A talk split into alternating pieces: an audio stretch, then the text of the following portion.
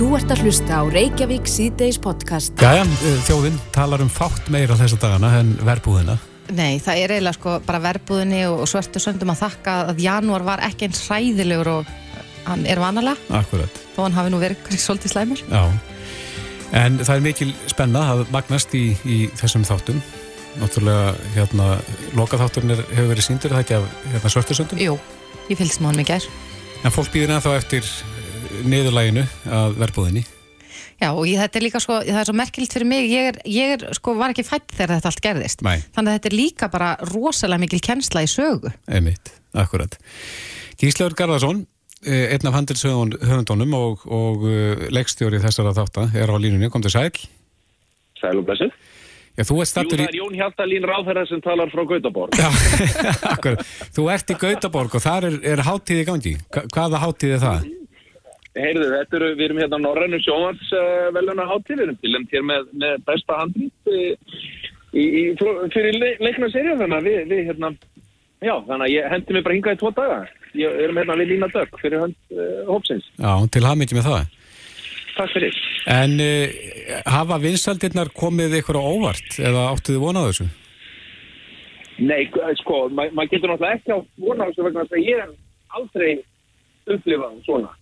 Og þetta er líka svo, þetta er líka svo instant, sko. Maður hefur, um, maður hefur, og ég hef náttúrulega aldrei leikstýrt uh, eða framleitt sjónvarpserju áður, þannig að þetta er fyrsta skipt sem ég bý til sjónvarpserju með, með, hérna, með mínu samstæðarsadalum, Byrninni og Nínu, það, hérna, á, á þessum skala, sko. Þannig að, hérna, Eh, Við erum náttúrulega gert mikið leikhúsi, þú veist, ég gerði, ég gerði Elli og hún var náttúrulega mjög vinsætt, en það var svona yfir 30 ára tímabind, þannig að maður svona, það heitir náttúrulega, þetta er svona sunnudagskvöldi og eins og segir, allir verið að sittast niður og horfa á þetta, þá er þetta uh, þetta ótrúlega skemmtilegt og, og svarið er bara nei, við höfum aldrei í rauninni bara átt okkur á því að geta okkur grein fyrir að, að hérna, maður geti haft svona svona, svona sterk áhrif og, og eitthvað, gett eitthvað sem vekur svona mikil viðbröð sko. þetta er náttúrulega vonum framar. Og við erum bara búin að vera eftir á kafi í þessu svo lengi þannig að maður, maður var ekki eins og farin að hugsa þangað.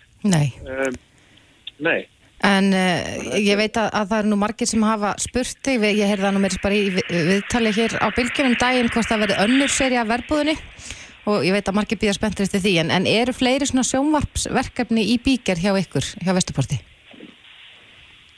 uh, sko, já við erum alltaf veist, við erum alltaf með eitthvað í bíkir og við höfum bara verið með síðustu síðast ára tugin það er, það er alltaf eitthvað, bæði leikhús og sjónvart og bíó.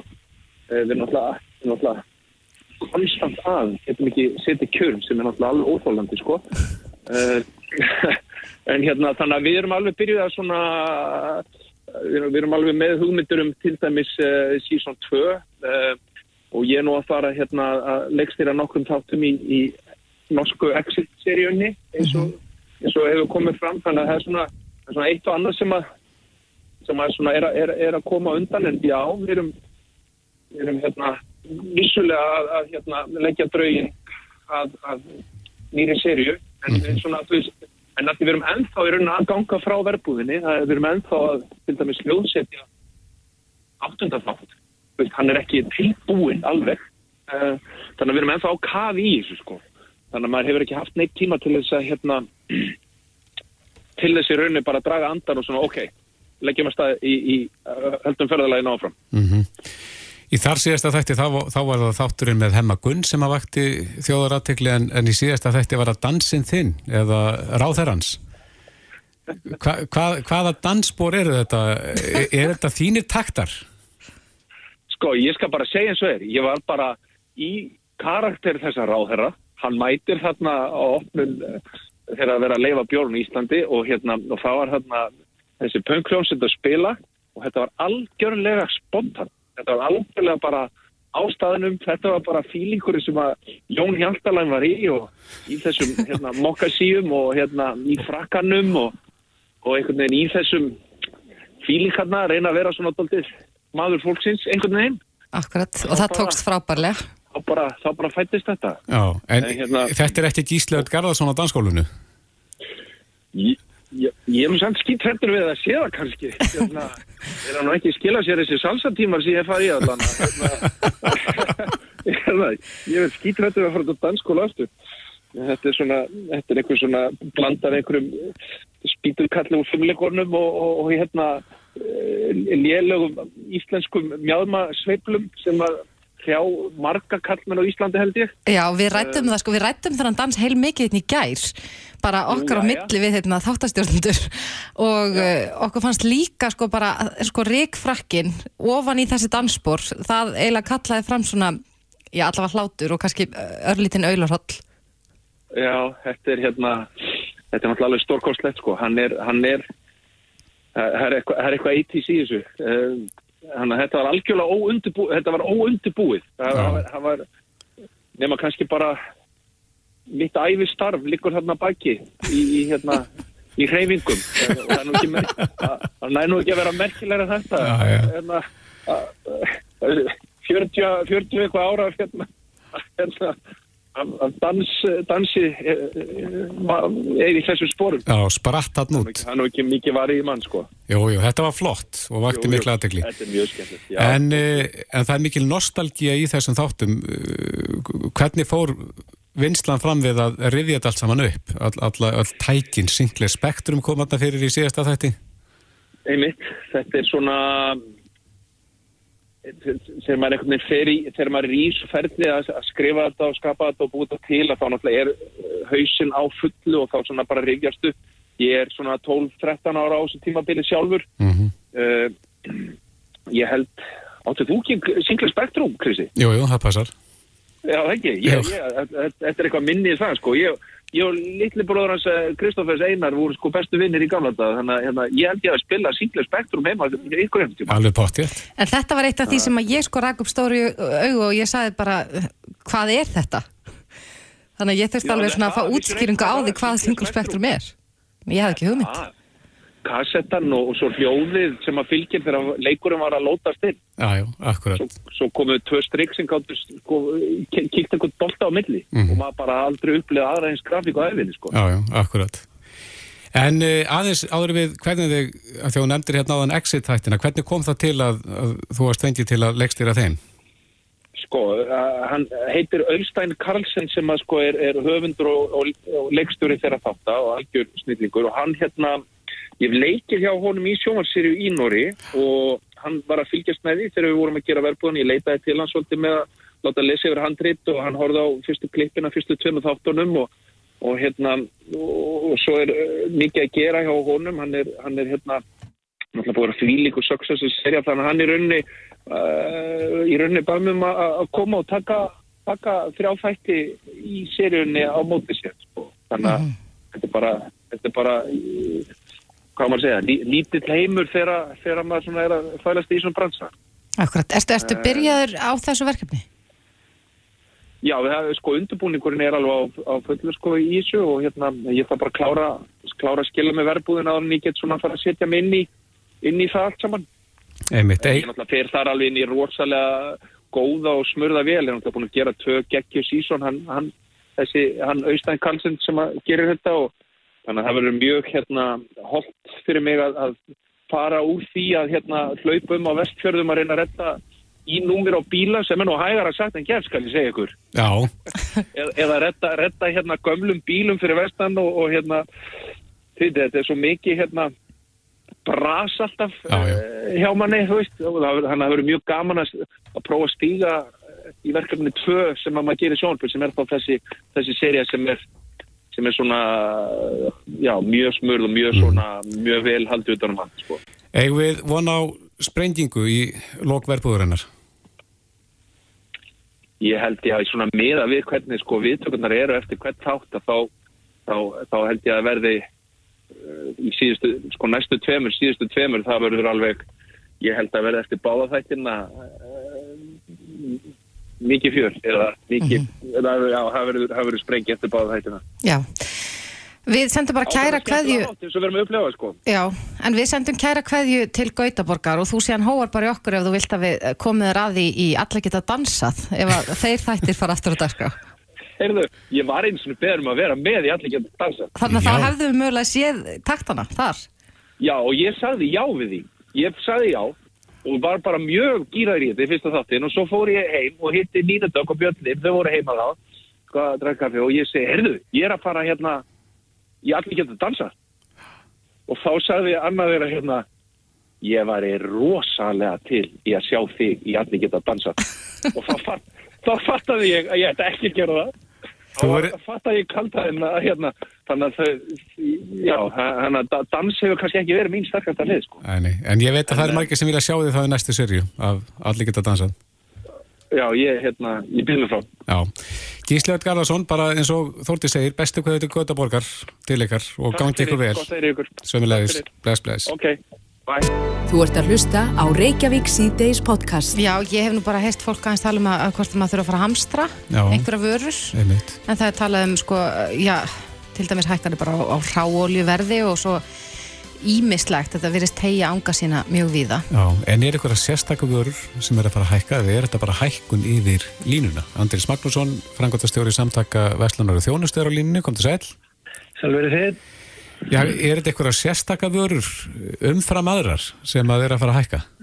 Já, orsakana fyrir þessu er fyrst og næst að leita í því að uh, við höfum verið að horfa á undanfarnar 12 til 18 mánuði fordamar þessar hækkanir og öllu hráuru verði hvaða nafni sem það nöfnast eiginlega hvort sem það er til almerðan yðnaðaframleyslu eða matvælaframleyslu alla grunn, uh, öll grunn hráefni til matvælaframleyslu öll, öll, öll grunn hráefni allir, allir þessi algengu hérna málmar eins og eins og uh, ál og sink og tein sem er notað til umframislu. Mm Allt þetta verður hækkað fordæmalust. Ofan í kaupið erum við líka að sjá aftur fordæmalösar hækkanir á flutningskostnaði, einhverjum sérlega á lengri leiðum milli Asíu og Európu til dæmis. En Og við við sem samtöku við vakið aðtikla á þessu. Ég hef ekki töl á þeim viðtölum og greinu sem við höfum látið frá okkur fara undan fari, ég vil bara segja á undanfarnar 12 mánuð þar sem við erum að vekja aðtikla á þessu, vekja aðtikla á því að það sé óhjákvæmilegt að þetta muni hafa með einhverjum hætti eh, áhrif á verla hérlandi eins og allstaðar í löndunum í kringum okkur.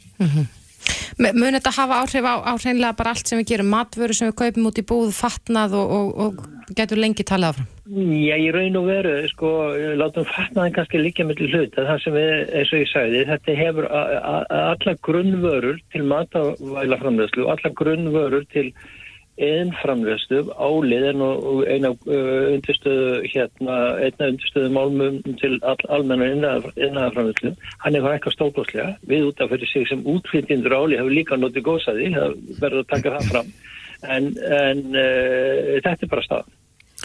En hvað með innlenda maturu til dæmis? Við erum ekki að sjá hækkanir þá út af þessu á þeim? Já, það er náttúrulega, sko, margir skildu ætla að svo væri, að, svo væri ekki, en, en það er hins vegar þannig að, sko, í eh, innlenda matvörur, eh, til dæmis unnar íslenskar uh, landbúnaðafurur er fullt af innfluttu, uh, innfluttum vörum, innfluttur háefni sem er notað sem uh, til framisláðu sem vörum. Þannig að uh, það sem við erum að heyra frá fyrirtækjum okkar, það er ekkit síður innlendir byrgjar, innlend framlegsla sem við erum að tilkynna hækkan á verðum heldur en, innflyt, en, eh, en innflytjendur. Já, hvaða vörur eru það sem eru notaðar í við framleiðsla á, innlendu, innlendur framleiðslu? Já, það er náttúrulega bara sko maskonar vörur sko sem er notaðar í hérna framlegsla matur sem eru innfluttar. Hviti, Já, soja, salt, Mhm. sigur, allt þetta. Akkurat. En, en sko, þetta hljómar er svo mjög dökkspá og þetta hefur maður heyrt það úr, úr öllum áttum nánast að það, þetta sé yfirvofandi. Er eitthvað sem hægt er að gera til þess að sportna við þessu? Já, sko, við erum bara, við erum bara að draga upp myndina eins og við sjáum. Við erum bara að vísa í það sem grein, alþjóðlega greiningar aðeins að segja. Þeir hafa verið að vara við þessu. Við hefum engungu verið að endurvarpa þessu inn í umræðina hérna heima. Okkur, við teljum okkur það skilt að vara við þessu og aftur uh, uh, hversu lengi þetta varir og hver, hvernig þetta bregðast við þessu.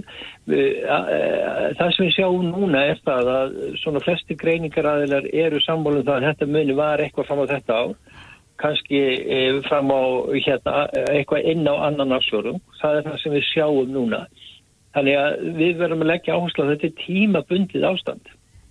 Þetta er ekki, ekki, ekki eðli þessara verðbólgu sem við erum að kljástuði núna er annað en við höfum verið að en e, á fyrist verðbólgu vandamál fyrir tíðar. Mm -hmm. Þetta er innflutt verðbólga eins og við köllum hana og er kölluð almennt og mm -hmm.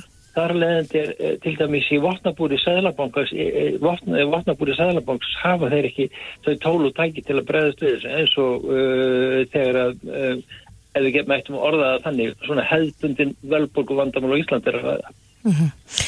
Uh, ég, ég lasi einhverju sett um dagina að þetta væri, að við værim ekki enn búin að sjá sko, þetta rúla út í verlaið almennilega og þetta væri bara toppurn á ísjökunum og þú talar um að þetta sé sko, tímabundið, er þetta spá fyrir um það hvenar við verum komin aftur í eitthvað ákveði jafnvægi?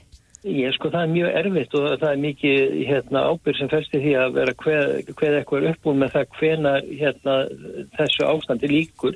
Það er allir samfólðin það að þetta er tímabundið ástand og náttúrulega eru allir að vona við, við eh, sjáum fyrir endan á þessu COVID ástandi og þetta er allt saman bein aflegging af því, eins og allir vita. Uh, það eh, hérna við verðum svo sem bara eh, hérna býð og sjá hvernig þessu vindur fram. En það er opastlega mikilvægt að hafa í huga að sko hækkanir á þáfuruverði hvers konar það tekur töluverðan tíma það tekur beinleis langan tíma að hafa áhrif frá því að kornið skorið að akrinum þá þú eru kaupu vöruna sem er framleitið úr kveitinu út í búð Þannig að þetta er eh, sko áhrifin af þessu eru tölvöld lengi að koma fram og við erum núna eftir áramótin að fá þetta aldrei þessilegi andliti áhrifin af því sem var, hefur verið að gera stundafarna 12 mánuð. Já, og er þetta að gerast bara núna? Já, ég meina það er alveg greinilegt og, og við skinnjum það mjög á, á, á viðtölum við félagsminn okkar að þeir fá óbáslega mikið mikið af tilkynningum um hækkanir frá byrgjum sínum um þess um áramót og þessar hækkanir eru miklu, miklu meiri en menn eiga að venjast. En það eru kannski einhverju sem að sjá tækifæri þessu? Örgulega. Og uh, fresta þá hækkunum og, og reyna þá að, að, að freista neytindur í aðra átt? Já, ég, það er bara vonand að svo sé en það náttúrulega er bara uh, er bara þannig og það er ekkert nýtt nefntu sólinn í þeim efnum að þegar að svona gífulega hækkarnir verða á, á, á hérna aðfengum á, á að, aðfengum hvort sem er innlendvara eða innlendvara fornamalösar að þá getur það ekki annað en haft áhrif verla með einhver mæti. Það mm. veit allir og það bara hefur alltaf skíðað. Eh, það er sko síðan bara uh, hvers veins fyrirtækis að ráða fram í því hvernig það bregstu þessu vanda mm -hmm. en mhm. við hefum alveg heilt það á, á viðtölum við fórsvarsmenn í, í fyrirtækja meðan þessi veslu en þetta sé vandi sem er erfitt að ráða við Akkurat Já, ég sagði það nú hérna upphafi að, að einhverju verið að tala um að maður þurft að fara að hamstra er, er staðan þannig að, að maður ætti að byrja þessu uppaf Ég var spurður á því á einu fyrsta bladamannafundinum í upphæfi COVID í mars 2020 hvort að menna þetta fara að hamstra klósitpapir af því þá, þá var mikið fár hérna heima út af því að, að landi var að, hamstra klósitpapir eins og engi væri morgundagurinn. Ég held að það sé bara alveg fjari leiði um ekki að sjá fram á vöru skort að neinu leiti. Þannig að sko, umræðum hamstur, uh, að hamstra einhverju tiltekna vöru finnst mér eiginlega út í hætt Já, Andrés Magnússon frangotastjóri samtaka Vestlunar og Þjónustu. Við skulum vona að þessar hækkanir verði ekki miklar og vari þá ekki lengi. Kæra þakkir. Þetta er Reykjavík C-Days podcast. Eh, Það er mikið búið að uh, ræða um S.A.A. undarfarna daga og og svo sem alltaf, það er mikið talað um bæði byggðlista mm -hmm. eftir því að komast að og, og svo rættu við nú hérna um daginn við yfir Salfræðinga S.A.A. sem svona útskýraðans fyrir okkur hvernig uh, því er hátt að, að fólk fái réttin til að starfa hjá þeim, til að vera mhm. ráðgjafar hjá þeim. En við rákust á áhugaverða frétt hér í fréttablaðin í dag en, en þar er viðtal við fíknifræðing sem segir að það ja, bytni illa á skjólstæðingum hennar að uh, fíknifræðingar fá ekki starfsleifi frá ennbætti landlæknis hér á landi. Mm -hmm. Og hún er komin til okkar í dag, Vagnbjörg Magnúsdóttir, fíknifræðingur, kom til sæl. sæl. Um, Hver er munurinn á, á fíknifræði annars vegar og svo það að fá þessi réttindi sem að, að eh, til dæmis S.A. notar til, í, í sinni starfsemi? Sko munurinn er sá að hérna, það er munur á fíknifræðingi og fíkni ráðgjafa eða áfengis og výmöfnar ráðgjafa eins og starfstjéttin í rauninni heitir. Mm -hmm. um, þeir sem að fá þau starfsleifi frá landleikni hafa farið í gegnum uh, ráðgjafaskóla Íslands og unnið á meðferðarstofnun eða farið í hérna, nám hjá S.A.A. og unnið þar sem einhvers konar, undir einhvers konar handlisli þeirra mm -hmm. uh, og fá svo í kjölfari eftir ákveðna tíma uh, í kennslu og, og hérna, starfi uh, réttindi til þess að kalla sig áfengjast og výmjöndarákja og fá þar að leiðandi starfsleifi svo kallað. Mm -hmm. Við hefum sótt um það sagt, að fara undir áfengjast og výmjöndarákjafa og við hefum líka sótt um nýtt sagt, starfsheiti, sagt, nýja starfstjætt mm -hmm. sem væri það bara fíknifræðingar og fengjum, fengum sinnjun á hverju tökja. Eru þið meira mentu þá heldur en ráðjafanir? Við erum uh, með masterspróf eða meistrapróf í fíknifræðum. Mm -hmm. Það er munurinn kannski og, og námið er kannski aðal munurinn á því að, og kannski bara þessi tímar sem að uh, við þurftum að setja í námin okkar og, og það, við, þetta er starfsnám sem við fórum í og vorum að vinna meðfram og við skiljum einhverjum 980 tímum. Mm -hmm. og þau sem að fara í gegnum námi, ég veit ekki hvað þau þurfa að skilja mörgum. Jú, líklega er það sama. Uh, þeir sem fari gegnum Rákjæðarskóla Íslands þurfa að skila þá þessum 6.000 tímum að minnir að segja til þess að fá svo leifi hjá landleikni mm -hmm. um, en við náttúrulega hérna, vorum þarna, fórum til Ameríka og Heiselden og lærðum þarna í, í hérna, ár sagt, fengum fjóra hyggur í frí þetta ár og lærðum og unnum alla þennan tíma og skiljum þessum tímum en það er ekki nót til þess að, að fá starfsleifi hjá landlækni. Mm -hmm. En þú segir hér í, í viðtalegu fréttablaða að það bytni illa á, á þínum skjólstæðingum að, að, að staðan sé þessi. Að hvaða leiti bytnar það helst á, á já, þeim sem er að glíma við fíkn? Það, sko, við erum alltaf ekki bara með fólk sem er að glíma við fíkn, við erum líka með aðstandendur og allt, allt, allir þess sem þessu tengist en aðalmáli er það að, að þau fá ekki niðugreitt hvar sem er. Þau, hérna, það eru einhvers þéttafölu sem greiða niður uh, bara svona meðferðir yfir höfu, svona mm -hmm. samtalsmeðferðir. Uh, en, en af því að við erum ekki með starfslifi, þá erum við ekki hérna, þá er meðferðin hjá okkur ekki niðugreitt uh, ekki hjá Reykjavíkuborg heldur, þeir hafa haft okkur inni en, en einhvern veginn á einhverjum undan þá fórmerkjum mm -hmm. en svo er það hægt í dag og hérna við höfum þurft að aðilar hafa ekki geta haldið áfram hjá okkur vegna þessa Um, en svo er það líka það í ljósi allrar umræðu að þá, hérna, þá er enginn sem vendar hópin okkar fyrir okkur. Þannig að ég, hérna, ef ég brýta af mér í starfi þá heyri ég ekki undir neginn. Það getur mm. enginn kvartað einhvern veginn undan mér nema þá bara, þú veist, að sækja á mig mál bara í réttarsal.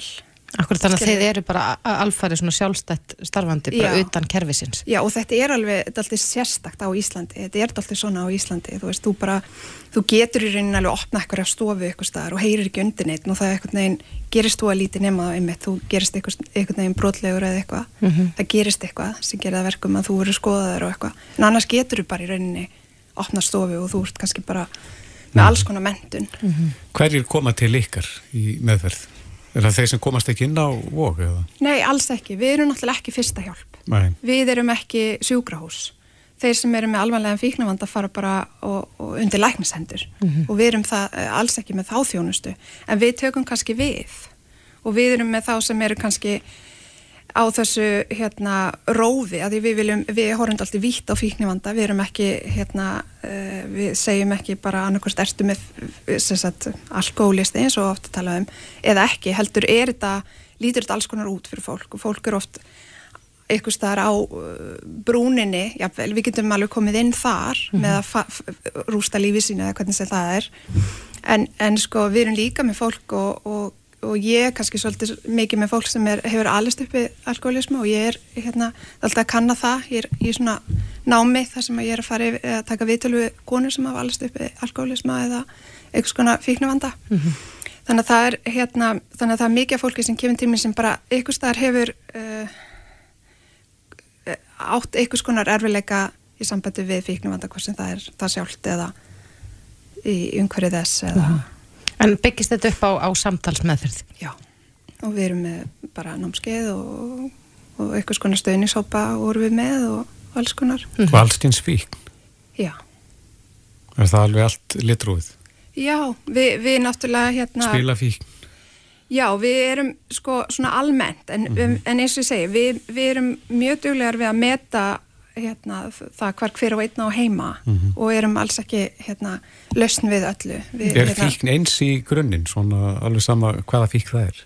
Sko, við göngum út frá því, út frá okkar námi og okkar reynslu og, og nýjist þekkingu að, að undir allri fíkn er einhvers konar sásöki eða eitthvað sem hefur gerst einhvers konar erfi reynsla, áföll það er alltaf okkar vjú á þetta mm -hmm. ef við erum hérna, mjög víðsýnar og, og, og erum ekki með eina endilega sín á fíknivandi eða þannig, en við erum, við erum alls ekki hérna, þraungsýnar mm -hmm. að þessu leiti þess að það er alls konar ástæði fyrir því að fólk ánitjast En, en uh, hver telur þú ástæðan sér fyrir því að, að ykkur er í raun haldið svolítið fyrir utan þetta allt saman með því að þið fáið ekki starfslefi hjá embætti landlæknis uh, er það reynilega sko vanþekking á, á náminu sem þið hafa farið í? Nei sko við, við fengum alveg þegar við sóttum um með þetta þessa nýju starfstjétt eða þetta hérna lögvenda starfsheiti að þá hérna voruðum í ána með námið okkar töluðum í þessari, þessum úrskurði. En þau töluðum að, að hópin okkar þýrst ekki að venda neitt sérstaklega. Við værum ekki að vinna með þannig hóp sem að er algjörlega ósalega eh, skrítið með við hópin sem við erum að vinna með. Að þurfum við bara að fólk, fólki sem líður ítla og það leita sér aðstof við þurfum öll að venda þann hóp fyrir þeim sem er að hjálpa þeim mm -hmm. eðlilega. Að því að þau eigu ofta ekki einu sinni sko rödd hvað þá kraft í það að, að mótmæla eða skiljuru mm -hmm að passa upp á rétt sinn. Hver heldur að raunverulega ástæðan sé? Akkur, akkur fáið ekki þá viðkynningu sem þið um, viljið? Veistu það, að ég held í náminu mínu, þá var mjög skýrt við vorum rosalega mörg að vinna saman þá voru sálfræðingar, þá voru hérna gæðlagnar, voru hérna fíknifræðingar voru, þú veist, næringar, þú voru allir við vorum svona multidisciplinary tím mm -hmm. kalla, svona þverfagilegt hérna teimi það vissu allir hvað hver og einn átt að gera. Ég upplifði það svolítið hérna á Íslandi að við sem alltaf berjast um það hver á að hjálpa hverjum. Það er rosalega mörgur sem vant að hjálpa. Samtjefni um að hjálpa? Já, það er svolítið svona hvað, hérna, þessi þarf náttúrulega bara að fara, fara í veist, meðferð eða þessi þarf að fara til sálfræðings eða þessi þarf að fara í EMDR eða þessi þarf að fara í hugurna atvildsmeðferð. Eh, skilji, þú veist bara, við verðum að hafa bara nógu mikið í bóði og við verðum að vera ofin fyrir því að, að sko markþjálfi geti jaf, hjálpa jafn mikið og fíknifræðingur eða sálfræðingur. Mm -hmm. veist, það er bara svo mismunandi hvað við þurfum. Það Já, þurfum ekki allir að fara í áfalla með þetta alla undir sama hatt og, og kannski leifa fólki að, að uh, hafa val um það hvar það leita sér að hjálp Já, og bara svona, við, við unnum alltaf út frá svona lowest level of care. Það bara sem minnst yngripp það er mjög valdeflandi fyrir fólk til dæmis sem að við get, ef við getum gripið þau fyrr í ferlinu eða þá við getum verið með það lítið inngrip að það upplifir sér sjálft gera svo mikið fyrir sig mm -hmm. þú veist, að, ná batanum sjálft ekki að við séum alltaf að halda á því og, og segja þeim hvað þau hefur að gera Já. Er, er mikið af fólki sem að leytast til ykkar sem að hefur glýmt við fíkn á lífsleðinni og, og og vill leita sér hjálpar til þess að bara reynilega halda sér á beinubrautinu eða maður það þannig. Og það er kannski bara uh, sem ákannski ekkit endilega heima hjá S.A.A. eða inn á vogi eða Við erum náttúrulega með sko svona áfalla meða fíkni meðferð mhm. -huh. ef við getum orðað það sem svo veist, þannig að við, er, við erum svo sjaldan að dýr, sko, að, það að vera með fíknumvand er aflegging, það er ekki orsökin uh mhm. -huh. það er eitthvað sem gerir sem gerir að verkum úr með fíknumvanda í flestum tilfellum, ég má náttúrulega ekki segja alltaf en, en í flestum tilfellum er það þannig. En, þannig að við þurfum að díla við það. En hvað er næsta skrif hjá ykkur? Munið þið halda áfram að reyna berjast fyrir að fá starfslegu hjá ennbætti landlegnis eða er, er það tæmt? Það... Nei, ég held að við getum alveg öruglega, sko við erum hérna með lögfræng á okkar snærum, eða svona erum í viðræðan við hann og, og hérna og erum bara svona að skoða hvort að við viljum fara með það áfram. Mm -hmm veist, þetta, er, þetta er aðlega líka bara fyrir, þessi hópur hérna, þarf alveg á niðugræsla að halda eins og allir aðrir. Heldur þú að það sé stór hópur þar núti sem að gæti mögulega að leita sér hjálpar hjá fíknifræðingum en reynilega getur það ekki já, mögulega... Ég, bara, ég veit að það er stór hópur og við, og, hérna, og við höfum oft bara mætt þeim með einhverjum hætti. Mm -hmm. Já, þetta er áhugavert. Vagnbjörg Magnúsdóttir, fíknifræðingur og stopnandi vörðunar meðferðarstofu. Takk kærlega fyrir komin. Takk svo mjög. Þetta er Reykjavík C-Days podcast. Jæja, eins og við nefndum þetta fyrir þættinu þá hefur Royal búðingurinn eh, fyllt Íslendingum ansi lengi. Já, þetta var nú bara einhvern veginn svona þegar ég hugsa tilbaka að þá finnst mér eins og hafi alltaf verið royalbúðingur í eftirrétt ef það var á annar borð eftirréttur. Já, og þeittur Jómi. Já, örgulega. Ég held samt að ég hef ekkert verið mikið í honum en, en hann var örgulega bóstálun. En uh, þetta hefur alltaf verið bara, já, lengi vel súkulæðibúðingurinn og karamellbúðingurinn Mm og er ekki vanilu líka eða? Jú, mér minnir það. En svo, ég man eftir það var alveg svona smá svona hafari hérna fyrir örfáum árum síðan þegar ég held að það var komið út saltkarmelu búðingur. Já, En nú er, er uh, Royal enn og aftur að koma okkur óvart og það er komin nýr búðingur sem er, uh, hérna svona viðhafnar útgáfa með súkulað og lakrísbræði og minnir á eitt sett. Já, þetta er svolítið uh, tískan í dag, súkulæð og lakrís. Já, það var einhver sem að, við rákum stað á netinu og einhver kallaði þetta þristamús fátækamannsins, það er spurning hvort að það sé rétt nefni eða ekki. Á línunni hjá okkur er Sigurður Kristjánsson sem er verksmiðstjóri hjá Agnar Ludvíksson en líka stundu kallaði Royal Kongurinn, kom til sæl. Það komið sæl. Já, ég kannski byrjum á því, er þetta, svipar þetta til þessara þristamúsar sem að hefur verið ansi vinsæl að undanförnu? Já, ég, ég svo sem geta gett hérna kannski farið að bera sama við hjá öðrum en, en þetta er allavega bara ekki, já, hvernig er orða bara, þetta er fyrir alla allavega. Já, Það, er bara þannig að alla, alla íslendinga. já, er þetta svolítið, er þau svolítið elda uh, strömmana? Já, er það ekki bara lífið og tilveran svona? Já, Er, er, Svara er kallinu. Já. Svara kallinu, já. Sko. En, en Sigurður, saga Royal eins og við nefndum við náðan að þá, þá munum við ekki eftir okkur án þess að, að Royal búðingun hafi verið eitthvað starfna í eftir rétt. Í- Jú, jú. En hver, hver er sagan? Hver, hvar byrjar þetta? Já, þetta byrjar fyrir, verða fyrir tæpum 70 árum eða eitthvað, þannig, að- þannig að svona flestir... Svona fyrir þinn tíma? Muna, muna, bara vel eftir þessu Royals, sko, eftir rétt eða, eða, eða eins og í dag fara allir og, eða, eða margir og fá sér ís, þetta var náttúrulega bara svona í, ís þess tíma og... og Er- er þetta íslenskt? Já, er, er þetta alíslenskt? Nei, þetta er það ekki. Þetta er, er uppaflega kem, eh, er þetta flutt inn frá Bretlandi og svona aðalega fyrir, fyrir bresku sjómennir sem voru hérna. Mm Og, og, um, og, og svo bara voru gjaldberishöft og annað og gekk erfilega að fá þetta fluttina en, en þeir fengu leiði til að setja upp versmiðu. Hmm. Til að svona aðalega fara að sinna, sinna þessu og síðan hefur þetta bara verið hérna á. Já. Og, og, og sem betur fer geta Íslendingar ekki hugsa sér að þetta hætti. Nei, en nú er ansið mikil flóra af allskins eftirréttum og ís og, og kökur og, og hvað eina. Er Royal-búðingun alltaf jafn vinsæll eða, eða eru þið svolítið með þessu að ná kannski til yngri kynsluða sem að, að þekkjar hann ekki nóg vel? Já, mm, ég kun- kun- kunni nú orða þetta, að, að sjálfsögðu er, er royalbúningur í vinsæl, sko, en, en það er, það er svona bara allt í lagi að, að, að svona aðeins að dansa með fólkinu. He, hefur uppskriftin eitthvað breyst til dæmis af þessum gömlu góðu eins og súkulaðinu og...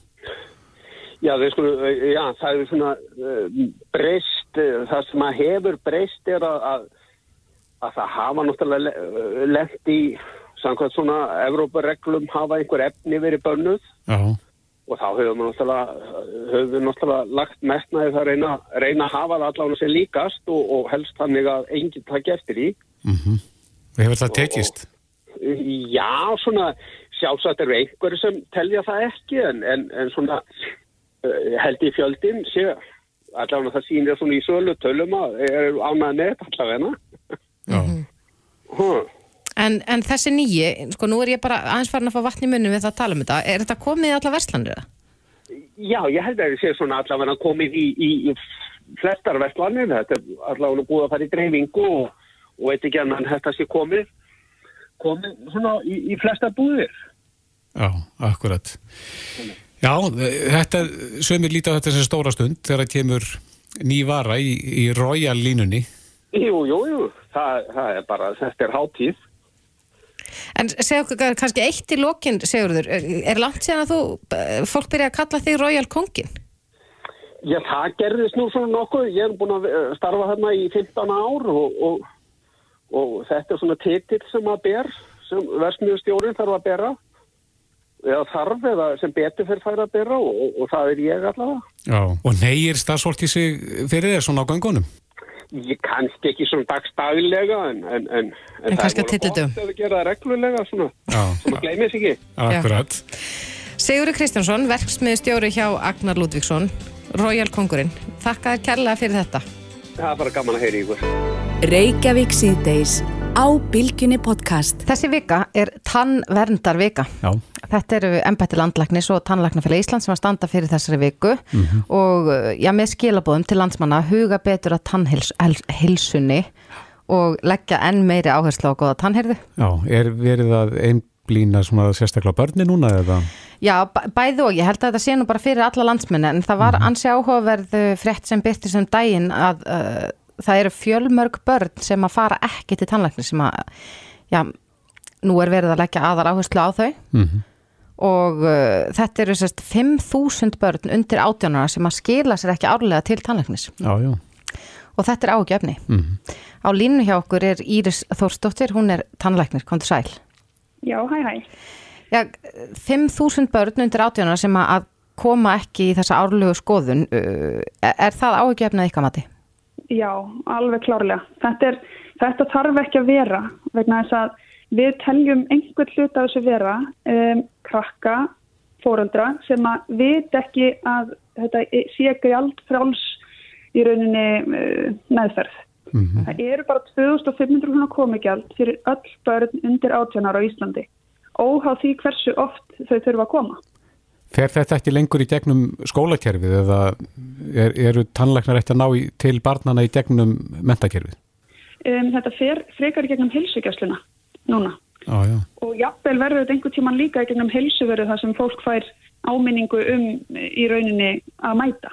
En, en eins og staðan er núna þá þarf fólk svolítið að vera vakandi fyrir þessu sjálft. Og þess vegna erum við með svona í nárvekni átak í svona tannvendavikunni og við viljum hvetja alla foreldra og þá krakka sem eru kannski orðin svolítið stálpuð að planta tíma í hótt tannlækni og það er gott að koma einu svona ári, sumir þurfa að koma oftar. En það er eins og ég segi aðeins 2500 krónar komugjald eða í rauninni eins og árgjald og, og eftir það greiða sjúklatryggingar fyrir þá þjónustu sem börnum þurfa. Mm Hvernig er tannheilsan hjá börnum almennt? Er, er hún að skána eða er hún að versna? Já, sko, hún hefur verið, hún, hún batnaði mikið. Um, þegar svona, já, það er, það er kannski komin, hvað ég segja, 20 ár síðan, en, en það hefur svona kannski verið að, að valda okkur áhyggjum að þetta sé kannski aðeins að aukast. En það er komið svona flæðiritt, þetta er svolítið skemmtilegt, þetta er inn á landlæknis embættinu, þá getum við rauninni skoða, þetta er gagvirt svona kort og við getum skoða eftir landslutum hversu mikið um, krakkar eru með fylgta tennur, um, hverju, hverju eru að skila sér og þess áttars. Þannig að við getum skoða þetta núna. Þetta er mjög áhugavert. Við mælum með að kíkja inn á þetta. Er einhver munur á landslutum hvað þetta varðar? Já, það er alltaf munur. En það, við veitum náttúrulega líka að það er, það er mis svona aðgengileg þjónustan. Og að þetta eru þetta bara enga geirin. Þetta er ekkert, ekkert hjá hennu ofinbera. Þannig að það er bara mis mikil þjónusta á milli landsluta og þetta mesta þjónustan á höfubraksvæðinu. Þannig að það helst í hendur sko. Já.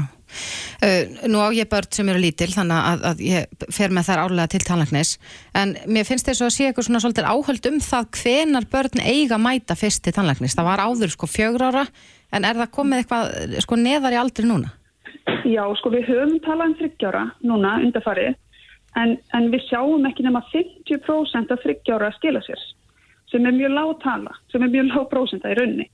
Og við viljum ben- benda fólki á að panta tíma fyrir þryggjára, bara tveggja háls að mæta með krakkana. Og milli tveggja þryggjára að koma með börnum til tannlæknis í fyrsta skipti. Og, hérna, og svo er annað með sjúkratryggingarnar að þá þarf að skrá börnin hjá heimilistannlækni og sum, fyrir sumum vest þetta en það þarf engin að hafa áhyggjur af þessu. Þannig að við tannlæknarnir og við og tannlæknarstofunum getum alveg skráð börnin þannig að eina sem fólk þarf að hugsa um er bara pantatíma í þetta skipti. Já. En hvernig, af því að það hefur nú verið talað um það að Íslendingar eru sérfræðingar í sigur áti og Já. áti í sætindum og góstrykkjum. Er það ennþá þannig og er það að hafa áhrif á tannhilsuna? Já, því miður. Ég held að það sé jafnvel, sko, ég vona að það sé ekki að aukast, en mín tilfinning persónulega er svo að börnin okkar er að borða svolítið mikinn sigur og það held ég að haldist í hendur við bara hvað er mikill viðbættur sigur í fæðin okkar.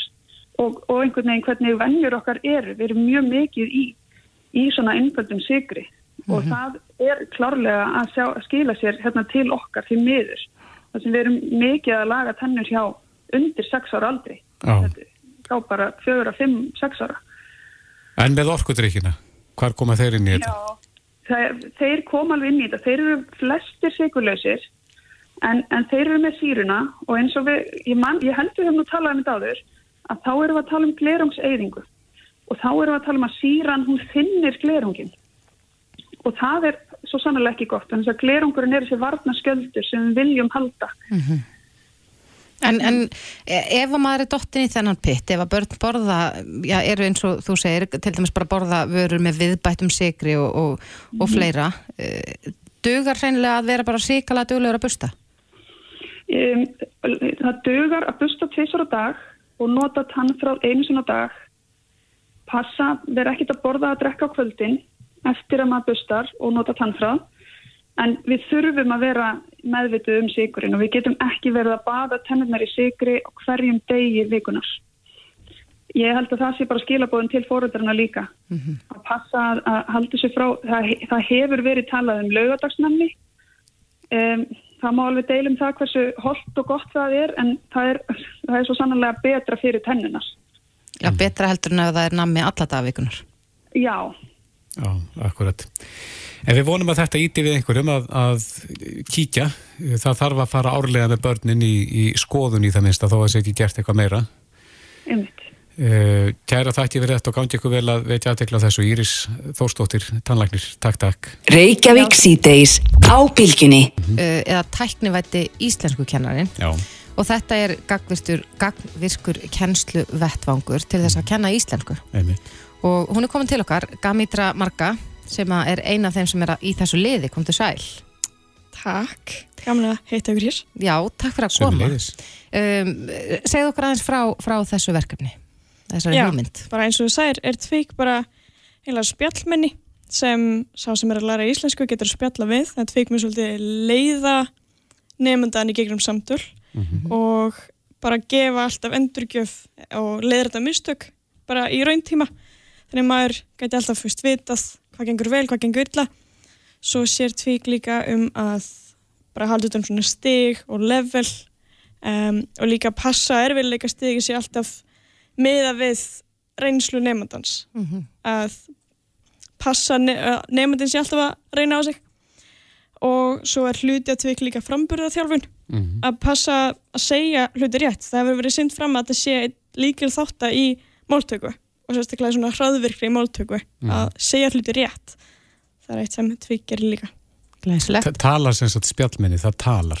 það talar bæði og, og skrifar Já. það er bæði í texta og hljóðu saman tíma En nú, nú þekki maður ímist forritað til Babbel og Duolingo og eitthvað svona, það er náttúrulega ekki til íslenska þar, en, en eh, þar er svona ákveði leikja fyrirkomulag. Svipar það til þess að einhver leiti? það er svipað en það er náttúrulega svona gata á markanum sem okkur finnst vera mikilvægt að að laga og það einmitt það að svona upp á námskeið ná ekki að ná fólki ekki yfir það sem við köllum uppgefar hjalli sem er einmitt þegar maður er kannski komið með svona skilning á samtölu, getur að skilja hvað er að gerast og er með svona ágættan orðaforða en hefur ekki byrjað að þóra að tala. Er alltaf ótrúlega erfitt að bara taka áhættuna og stökkva að bara byrja að eiga samtöl. Það bara gerist ekki núr leitni. Og það er einmitt það sem, það er bíl sem við viljum brúa og sem forrið og námskeið sem núna eru á markanum gera ekki. Það er ekki hönnu til þess að hjálpa fólki að þóra að stiga sér skref. Ég, ég vennu bara að hrósa þig fyrir sko þína íslensku. Er það rétt að þú ert búin að vera hérna í hvað, um þrjú ár? Já, rúmlega. Hvaðan kemur þú? Hvaðan kemur íslenskan? Já, hvaðan kemur þú? Ertu, Hvaðan kem ég? Já. Ég kem frá Íslandi, frá. Tallinn. Finnst þér íslenskan erfið? ekki lengur. Nei. En var, Jú, var erfitt að læra hana? Þessi spurning. Um, ég byrjaði svona 13 ára. Þá var ég búin að ákveða að læra íslensku og svona flytja til Íslands þegar, þegar ég verið stór einhvern tímann. Og byrjaði að læra á netinu.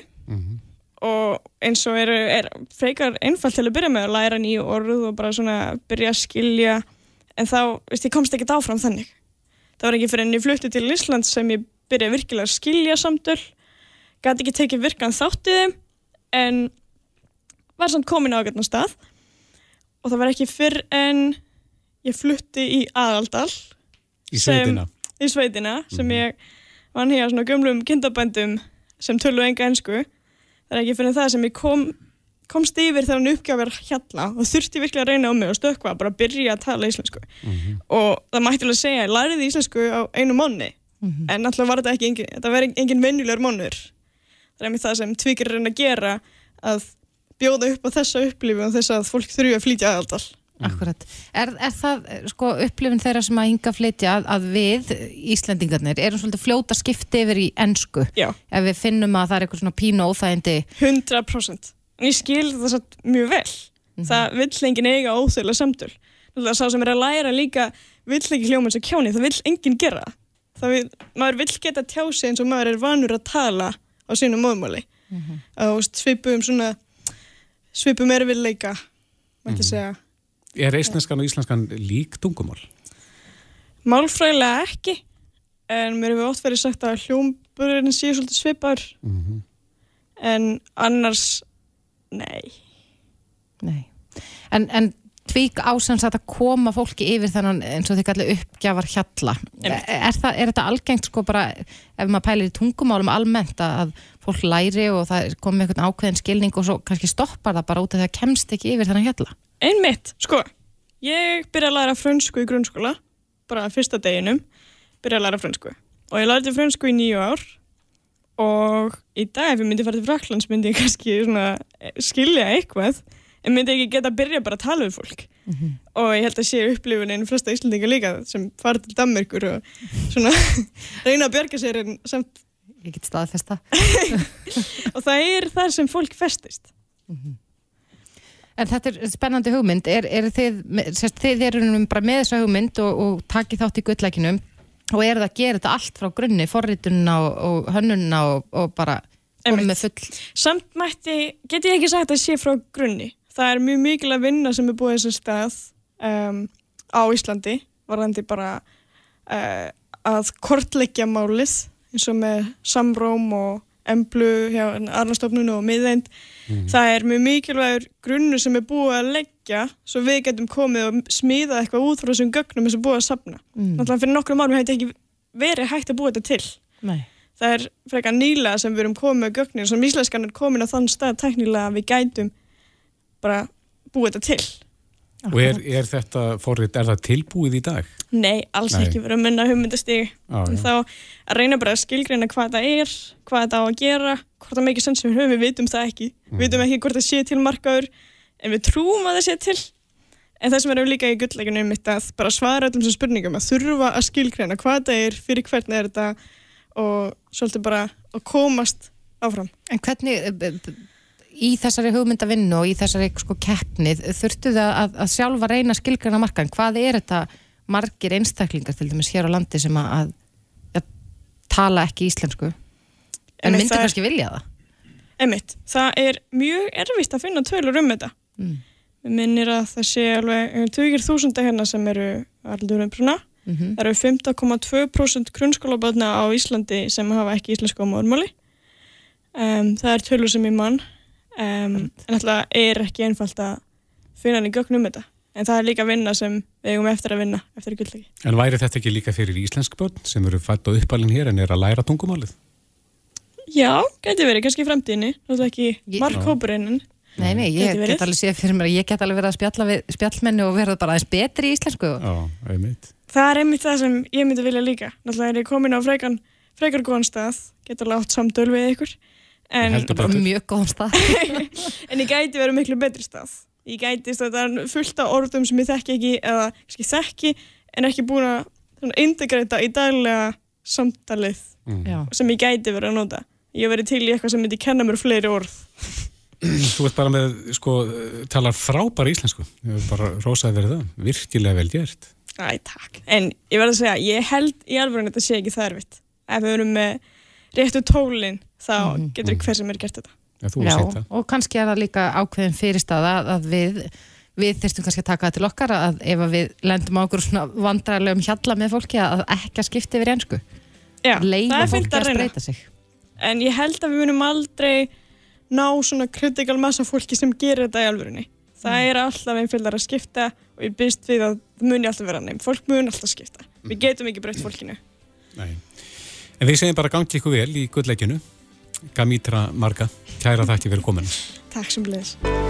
Hlustaðu hvena sem er á Reykjavík C-Days podcast. Já, ef við segjum gleðilegt nýtt ár, Já. sérstaklega við þá sem að eru tímestir. Mhm. Það er tímeska nýja árið byrjar í dag. Já, ár tígursins byrjar í dag Voldugt merki, Mhm. tíguri. Já, svo sannarlega og við, við rættum nú um kýmverska nýjári hérna fyrir árið síðan þegar það var aftur, eða, síðast kýmversk nýjár og, og þetta eru þetta heilmikil fræði þarna baki rétt eins og okkar stjórnusbeki er eða, þessi sem að við svona aðhyllumst að Einmitt. ég er sportryggi og, og þú ert krabbi Aha, en eh, já, kýmverska stjórnusbekin er eitthvað sem við kannski hér uh, aðeins vestar, Mhm. þekkjum ekki eins vel Nei, en þess má geta Þorgir, okkar Ástálsson, hann er tígur. Já, einmitt. þannig að hans ár hefst núna Já, einmitt. En uh, komin góðu gestu til að ræða þetta, þetta tímeska nýjár. Já, Ásta Rafnildur Garðarsdóttir er komin til okkur og hún er aðeins búin að sökka sér í þessi málefni, kom til sæl. Já, komið sæl og, og gleðilegt ár og, og gleðilegt ár aftur, þess að sagt, hérna, já, bæði Já. 2022 og ár hérna tígusins núna, sem er að byrja núna. Já, ég hérna, það eru mörg ár síðan ég fekk einhverja dellu fyrir þessu. Og ég nefnilega er með hérna forláta bók með mér sem ég sé að ég hef eh, merst mér árið 2000 Já, og einhverja hluta vegna þá fór ég svolítið að spekulara í þessu með hérna kynversku árein og það er nú margt sem að hérna maður tengir við, ég er til dæmis svín og, og ég er sem sagt, ég er gullsvín. Og, og sem sagt kynverska stjórnarspekin gengur út á það að þú sem sagt ringurinn gengur í 12 ár, það eru 12 ár á milli dýramerkja og þannig að núna í dag er sem sagt að gangi garð ár tígusins og tígristýrið er eins og við kannski bara vitum þegar við sjáum tígristýrið að það er náttúrulega kröftugt og, og voldugt og, og annað. En þeir segja það að núna er eh, vasstígurinn Já. Eh, það er sagt ár vasstígusins og það er víst bara á 60 ára fresti. En eins og þið segir hérna kynverðnir að þá er hérna tígristýrið konungur allra dýra í Kína og eins og þú saðir áðan að þá er sem sagt tígristýrið er sem sagt í raun og veru bara merki, styrks. Um, reynda segja þér hérna líka uh, hins illa Það er Láta stórhættulegt, Það getur er- verið. já, getur verið. Það, við vitum það að kattadýrin hafa klær og Já, já. og geta bitið frá sér en þetta er sem sagt líka sem merki þeirra sem eru hugurækir. Já, og, og það vil svo heppilega til þess að ég er svín að, að þá er hérna hér erum við með hund. Þú mátt gelta. Jó. og þú ert sem sagt í raun og veru fætt á ári kaninunar eða kattarins. Það er svolítið að fer eftir því bara eh, hvar maður lendir niður. Sumum bókum er, er sem sagt ár kaninunar og annar staðar er það ár kattarins. Mm -hmm. Frækt lag náttúrulega er á the cat sko já. En þetta er, þetta er nefnilega af því að áðan þegar við vorum eitthvað svona aðeins að spá í þetta þá fórum við að lesa okkur til og mér fannst bara ansi margt í þessum lýsingum um kanínun alveg geta átt við mig og og, og Kristoffer er góð hjartaðis og, og Já. það er það sem að, er hundin Ég meina, við erum, með, já, við erum mjög ljúf hérna inni, við erum með svín og hund og kött og, eða kaninu, við erum svona, svona mjúk og, og, og líklega til þess að fólk vilja eiga okkur fyrir Einmitt. eh, ekkert vissum að margi vilji hins vegar eiga tígristýr Nei. fyrir gælitir En við erum sennilega öll á matselunum hjá tígristýrinu. mjög líklega, mjög líklega. Þannig að Þorgeir geti getið okkur ég myndi halda það, Akkurat. en það sem er sko hérna með kýmverska nýjárið að þá er það þannig að hérna ef þú ert í rauðu þennan dag og, þá eða sem sagt börn sem fæðast á þessu ári og eru klætt í raut og það er, það er svona lukkulitur fyrir alla. En það sem að margir vilja vita er hverjir eru frægir tígrar? Já, Já. fyrir utan þorgir. ah, fyrir utan þorgir og þá er það nú uppáhaldum mitt. Hún hérna Elisabeth Englandsdrottning. Hann er hennar ár. Þetta er hennar ár. Já, já. og hún er náttúrulega verið 90, er 95 ára og er að fagna er það ekki 70 ára afmæli sem sagt á, á, á valdastóli og greiði það sem hún er búin að gangi í gegnum það er nú reyndar önnur rétt svo er það Tom Cruise, Íslandsvinurinn góði hann er tígristýr Leonardo DiCaprio, hann er líka tígristýr og Lady Gaga. Ansi margir. Þetta er er ansi- hópur. Já, þannig að þetta er greinlega, þetta er samt sem er allt sem aður fólk sem að er svona um, hefur komist einhvern veginn við eins og Lady Gaga og Tom Cruise og, og drottningin og DiCaprio, ég menna þau hafa öll á miklum árangri, eru með þrautsegju og hugrauk, þannig að þetta er vantilega mjög gott ár, en það sem skiptir máli er að sko þeir sem eru hefnir að þessu ári það eru þeir sem eru sko fættir í merki uksans eða geitarinnar. Mm -hmm. Rottan, það er fólki sem eru 50 í ár það er fólki sem er fætt 1972 það er fólk fætt á ári rottunar. Rottan og snákurinn og apinn og svínið og hundurinn. Við þurfum aðeins að hafa fyrir hlutunum þetta ár. Þetta. Já, er Já, já, þurfum aðeins að leggja á okkur. En, en hvað er þetta með sko, eins og uh, sko, ég er eldkanina, Já. er eldurinn og svo kaninan, hvernig, hvernig spilar þetta saman? Sko það fer, það fer nefnilega svolítið eftir í hvar, ég til dæmis er hérna, held að þú sért, þú ert gull hundur, ég er gull svín og þú ert eldkanina, þá er það svolítið karakterinn, sko þegar sagt eldurinn, þannig að það er meiri orka og meiri kraftur og við gullfólki, það við hérna, Erum við bara til skrauts? já, en við löðum á okkur gull. Já. Þannig að hérna og vastígurinn eins og er núna sem sagt, þetta sem gerist á 60 ára fresti að það er sem sagt mýgri útgáman Mhm. af tígristýrinu þannig að það er sem sagt elementin er í raun og veru sko uh, jörð og þetta er hvað jörð og eldur og, og annan og þeir að fletta upp í minni indislegu bók. En hérna taka fram að þessi bók hins vegar Kími stjórnuspeiki sem gefin út einhvern tímann 1740 og eitthvað að hérna, þetta var vinsalesta bókin á bókusötnum Verslunarskólans og, og mentaskólans e, við Hamraliðir einu sinni. Já, já. fyrir tíma internetsins En hvað er eitthvað að segja til um árið? Þess að hvernig verður árið ártígusins? Já, það fyrir náttúrulega eftir í hvað merkjum maður er En er talað um að, að, að sko, ef ég væri tígur og það Já. er ár tígursins, Já. á það að vera þá ár stóra breytinga, eitthvað tíma minni mig að ég hafi svona lesið það að þetta gæti farið bara á annan kotn veg, sko, mjög Já. vel eða mjög illa. Sko núna, e, þetta ár tígusins er gott fyrir tígra Mm. Þannig að þú veist, er, þetta fer ekki alltaf saman. Til dæmis eins og, sko ég var að segja, hérna Uxun og Geitin, þau verða hérna verða heppni í ár.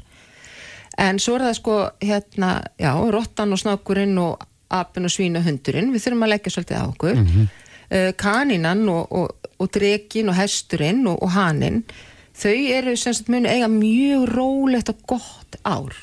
En sem sagt tígratnir e, sem fæðast á þessu ári allavega að þeir muni eiga ljúft á sérstaklega ef þeir eru í rauð. Þannig að hérna, tígristýrin þurfa svolítið að fara í rauð Á þessu ári? á þessu ári. En sko það, það er ekki þannig að, að hérna, þó að ár svínsins komi upp að það sé eitthvað rosalega gott ár fyrir svíni það ár Nei. þannig að þú veist, þetta er ekki svona þetta er ekki volið einfalt. Nei. en grunnreglan er þessi að það eru 12 ár á milli merkja og svo náttúrulega meiga hérna geta dýrin ekkert verið með hvernig sem er til og með svo tígristýr þau eiga helst að vera hérna að vinna í einhverju sem er svona lifandi og hérna sendur geta verið leikarar eh, rítöfundar, listamenn Kannski útvarpsmenn eins og Þorgeir? tónlistamenn skemmtikraftar eða bílstjórar. Þú veist þannig að það er svona ímislegt sko sem að e, þeim er til listalagt og þeir hafa sem sagt í raun og veru mjög e, mikla svona leiðt og hæfileika og hafa mikla virðingu þannig að það er gott að vera tígur Já. mjög gott ég, já. þannig að þeir sem að COVID-bötnin sem fæðast í ár það eru bötnin sem fæðast á ári tígsins Já. Framtíða leitóðar? algjörlega, það verður spennandi að fylgjast Og með því sumir klóri gettir kannski?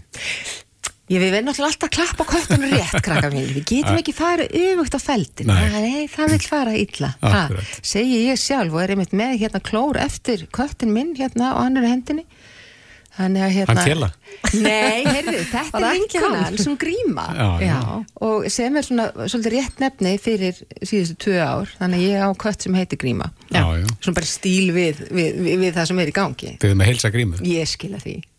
Ásta Hrafnildur Garastóttir, takk kærlega fyrir að koma og útskýra þetta fyrir okkur og svo efast ég ekki um það að margir muni flettaði upp hvaða, maður þarf eiginlega að flettaði upp hvaða merki maður er sko. Ég segi bara Chinese Zodiac á netinu að, og, og þá er náttúrulega það sem skemmtilegast fyrir fólk er að, að hérna að fletta upp sko Chinese comparability. Með hverjum á ég að vera? Þannig að fólk getur séð sko hvaða merki passa best saman þannig að, að hérna svona er ekki koma hérna valentinsadagurinn 14. Jú, febrúar? styttist í hann. Jú, jú. Jú, fólk hefur svona halva mánuð til þess að finna sér maka eftir kýmversku hvetjum, Finnst, finnst þið það passa vel? Eh, Heyrðu, Stemmilega. alveg með ólíkindum Þetta er svo skemmtilegt, ég hef aldrei trúið því En þú veist, ef maður vill trúa því Náttúrulega, þannig að hérna, já, Já. Æ, Þetta er bara góðu samkvæmsleikur já, þetta er, það er skemmtilegt að pæla þessu. Takk kærlega fyrir komuna.